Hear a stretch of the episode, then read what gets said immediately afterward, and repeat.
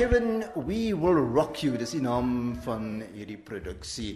Baie sinoniem met Queen, maar dis nie noodwendig die hele storie nie. Nee, uh die storie gaan nie eintlik oor Queen nie en dit is eintlik nie ook 'n tribute show of konsert nie. Dit is eintlik 'n musiekblyspelstuk met sy eie storielyn, sy eie karakters wat Ben Elton en Queen en wat hulle nou saam gesit het. So ja, en dit is basies wat baie mense verkeerd kry en 'n verkeerde idee van die show het mm. en hulle kry ja. Maar kom ons bly so 'n bietjie by Queen. Mm. Jy moet heelwat musiek kies daar uit. Hoeveel van van Queen se musiek word gehoor in die hele produksie? Daar is onderskeidelik 24 van Queen se liedjies in die hele show. Dit is obviously deur Queen en Ben Elton self gekies vir die show en dit is regtig die volgorde van die liedjies wat eintlik die uh, narrative van die hele storielyn die leiding daarin gee. Daniel, uh, interessant is nou as mens kyk na die die storielyn, dit speel af in 'n periode baie ver in die toekoms nog. Dis asof mense verbeelding, jy moet jou verbeelding omtrent vlug gee. So dis vir jou interessant omdat jy nou in die internetwêreld leef, maar hierdie is selfs nog verder as die internet lewe. Hoe het jy dit ervaar? Dis 'n baie interessante ding om eintlik so daaraan te dink want ons leef nou in die internetwêreld en dan word jy gevat in 'n verdere een in, maar waar my karakter dan deel is van die wêreld wat nie wil deel wees van die internetwêreld nie. So dis eintlik baie lekker om weer bietjie terug te gaan want toe ek byvoorbeeld kleiner was, was dit nie die internetwêreld nie. So jy gaan eintlik so 'n bietjie terug na 'n mens se verlede en buite wees en ander goed vind om te doen. Ek het ek het baie keer nogal uh, breed geglimlag as hulle verwys het na die era wat nou lank reeds verby is. ja, dit is en dit is nou juist die ding. Byvoorbeeld die videotape uh, dit is die ou tegnologie, die analog tegnologie uit die 80e jare en vroeë 90s waarmee ek groot geword het voor die CD's en die DVD's en sulke goed en dit is nogal snaaks as mense nou dink ons het mense in ons cast wat nou daar's daar was vandag een van die ensemblelede in die geselskap. Sy het vandag 23 geword en, en nou met mense verstaan ek was in matriek toe sy gebore was. So hulle ken nie eers van videotapes en sulke goed nie. En in die show is die hele ding van die videotape tussen half soos die heilige skrif. Jy weet, die inligting wat hulle soek is in die die die videotape, maar hulle weet nie hoe om dit te gebruik nie om om al die inligting uit die uit die uit die, die video tape uit te kry nie. En dis eintlik baie snaaks en maar ek gaan niks verder sê oor dit nie want dan gee ek 'n paar dinge weg. maar maar Kevin, dis ook baie nostalgies want ek het gesien en gehoor dat mense wat lekker saam gesing het, wat lekker saam geglimlag het, want dit is word nogal baie komies aangebied. Ek dink, weet jy, waarvan ek hou van die show is die feit dat die meerderheid, die oorweldigende meerderheid van die liedjies wat hulle gekies het, is die groot anthems, is die geliefde goed wat die mense ken. Dit is so in almal in. En eh, jy kry deur hierdie geslagte en daar is oumas en oupas, ons ouers, ons geslagte, ons broers en susters, ons eie ons oud uh, mense van my geslag se kinders is hier. En almal het hierdie musiek aan vir die kinders aangeleer en klein kinders aangeleer. En ek dink dit is hoekom almal so kan saam dit geniet. En ek dink dit is 'n regte ding vir die familie. Ek het jy's nou die musiekregisseur. Wie is die ander mense wat nou agter die skerms saamgewerk het? So in my departement het ek byvoorbeeld David Boeverhof. Hy is my assistent musiekdirekteur. Dan het ek vir Luca de Bellis op die dromme, Aldit de Toy op gitaar, Kieran Wilmington op gitaar en dan Nick Ford op basgitaar. En dan agter die skerms is daar soveel ander mense soos Kosie Smit wat met die AV betrokke is. Daar is Stretch Spies wat uh, teruggekom het uit Hong Kong. Hy's die hoof van ons klank en Merle Gideon wat sy was in die ou dae in Nightpack was sy 'n danser in die balletgeselskap daar en sy ek en sy het, eh, ek Darren en sy Darren ons regisseur ons werk almal oor 'n dekade saam al.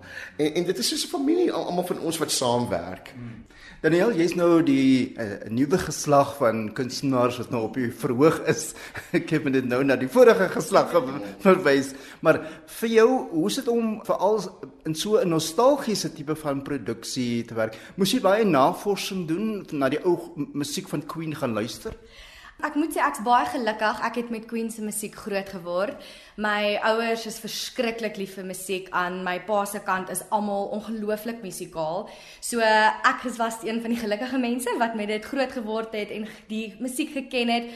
Daar was 'n paar wat ek nie van geweet het nie wat mens maar moes gaan opsoek. Maar ek dink daarom ek was nog in die videotape era. Ek het ook nog video's gekyk. So ek's gelukkig nie so jonkie, maar daarmee so oud nie. ja. Jy speel die wonderlike rol van Oz, is een van die hoofkarakters. Het jy dit geniet om hierdie rol te vertolk? Moes jy baie navorsing doen daaroor? Ek moet sê baie eerlik, dit is van die meeste van wat ek nog ooit op stage gehad het. Sy is een van die gemaklikste karakters wat ek al gespeel het. Ek dink omdat sy so van is en net is wie sy is, maak dit dat mens nie te ernstig hoef te gaan en o nee, sy moet dit doen, sy moet dat doen. Dit dit voel net asof mens dadelik met haar connect en jy kan in dit ingaan en jy voel net jy is deel van haar. Jy het 'n pragtige solo ook in hierdie produksie en dit baie goed vanaand gesing. So 'n mens moet veelsidig wees lyk like dit vir my want jy is is 'n hardloop rond op die verhoog, jy spring, daar's soms danse ook en dan nou hierdie briljante sang.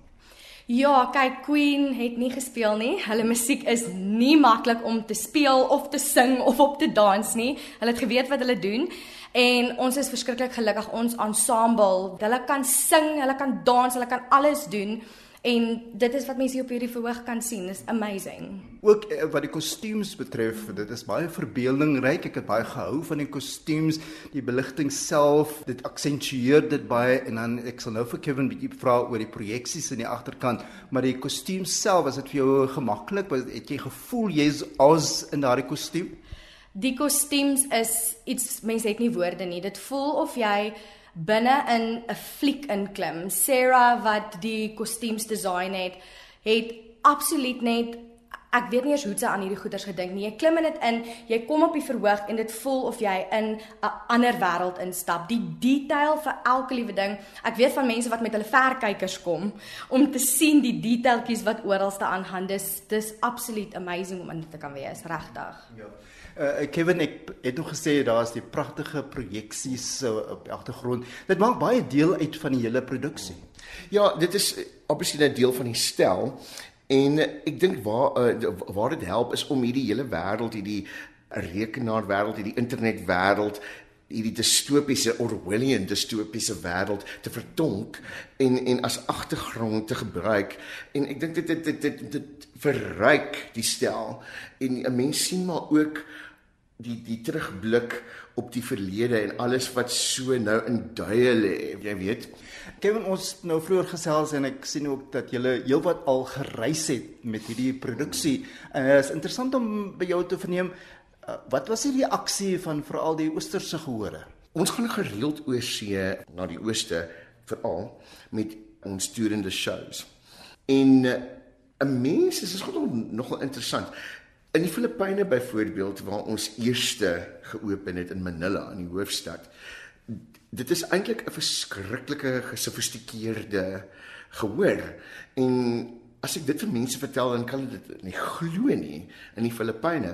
En hulle het 'n verskriklike groot kultuur en vir musiekblyspel en 'n waardering vir musiekblyspel dit is regtig 'n groot ding daar. En musiek en sang is eintlik die die nasionale sport. So om met so 'n show daarin te kom ek bedoel die ska die die die, die gehoor was gaande by die show. En ek sê dieselfde in Singapore, 'n meer internasionale stad. So ons het dit dit was regtig regtig treffend en en hoe die gehoor dit dit dit, dit ingeneem het en en wat hulle daarna gesê het. Hulle was mal daaroor en ons noem dit uh, as mense weer terugkom show toe ons in Engels noem ons dit repeat offenders. So ons het baie repeat offenders gehad. Daniel uh die dialoog is baie interessant of dan nou die teks is baie interessant. Dis baie slim en 'n mens moet nog haar kop hou met wat jy daar sê. Ja, ek moet sê dit is regtig 'n baie interessante manier geskryf, maar ek kom ook agter van dit ons bietjie meer op die home turf is. Die mense vang die grappies, die dieper goed in dit en dan is daar ook die klein bietjie goedjies wat mens bysit soos die load shedding en daai tipe dinge en ek dink ook omdat dit net bietjie makliker verstaanbaar is hierso, geniet almal dit dan net meer in die gehoor kan gaan. Haha, ons sien wat julle daar doen. Maar ja, dit is dis baie interessant geskryf en dis net lekker om ook na te luister oor hulle wat lekker lag almal. Uh, Kevin, uh, jy is nou by baie uh, musiekspele waar jy betrokke was, die hele wêreld vol gereis en nou hierdie groot produksie ook waarmee jy rondreis. Maar jy het 'n klassieke musiek agtergrond. Dink jy dit uh, help vir jou as musiekregisseur? Ja en nee. Ek sê ek sou sê met die ervaring wat ek bygekry het oor die afgelope 17, 18 jaar wat ek nou al in die bedryf is, jy leer verskillende goed, jy leer verskillende style. Maar ek ek sal definitief sê die klassieke agtergrond in terme van wat jy kan doen, dit dit verbreer eintlik wat jy kan doen want jy kan jy pas makliker aan met verskillende style en verskillende genre. Waar ek voel van die ander kant af is dit moeiliker.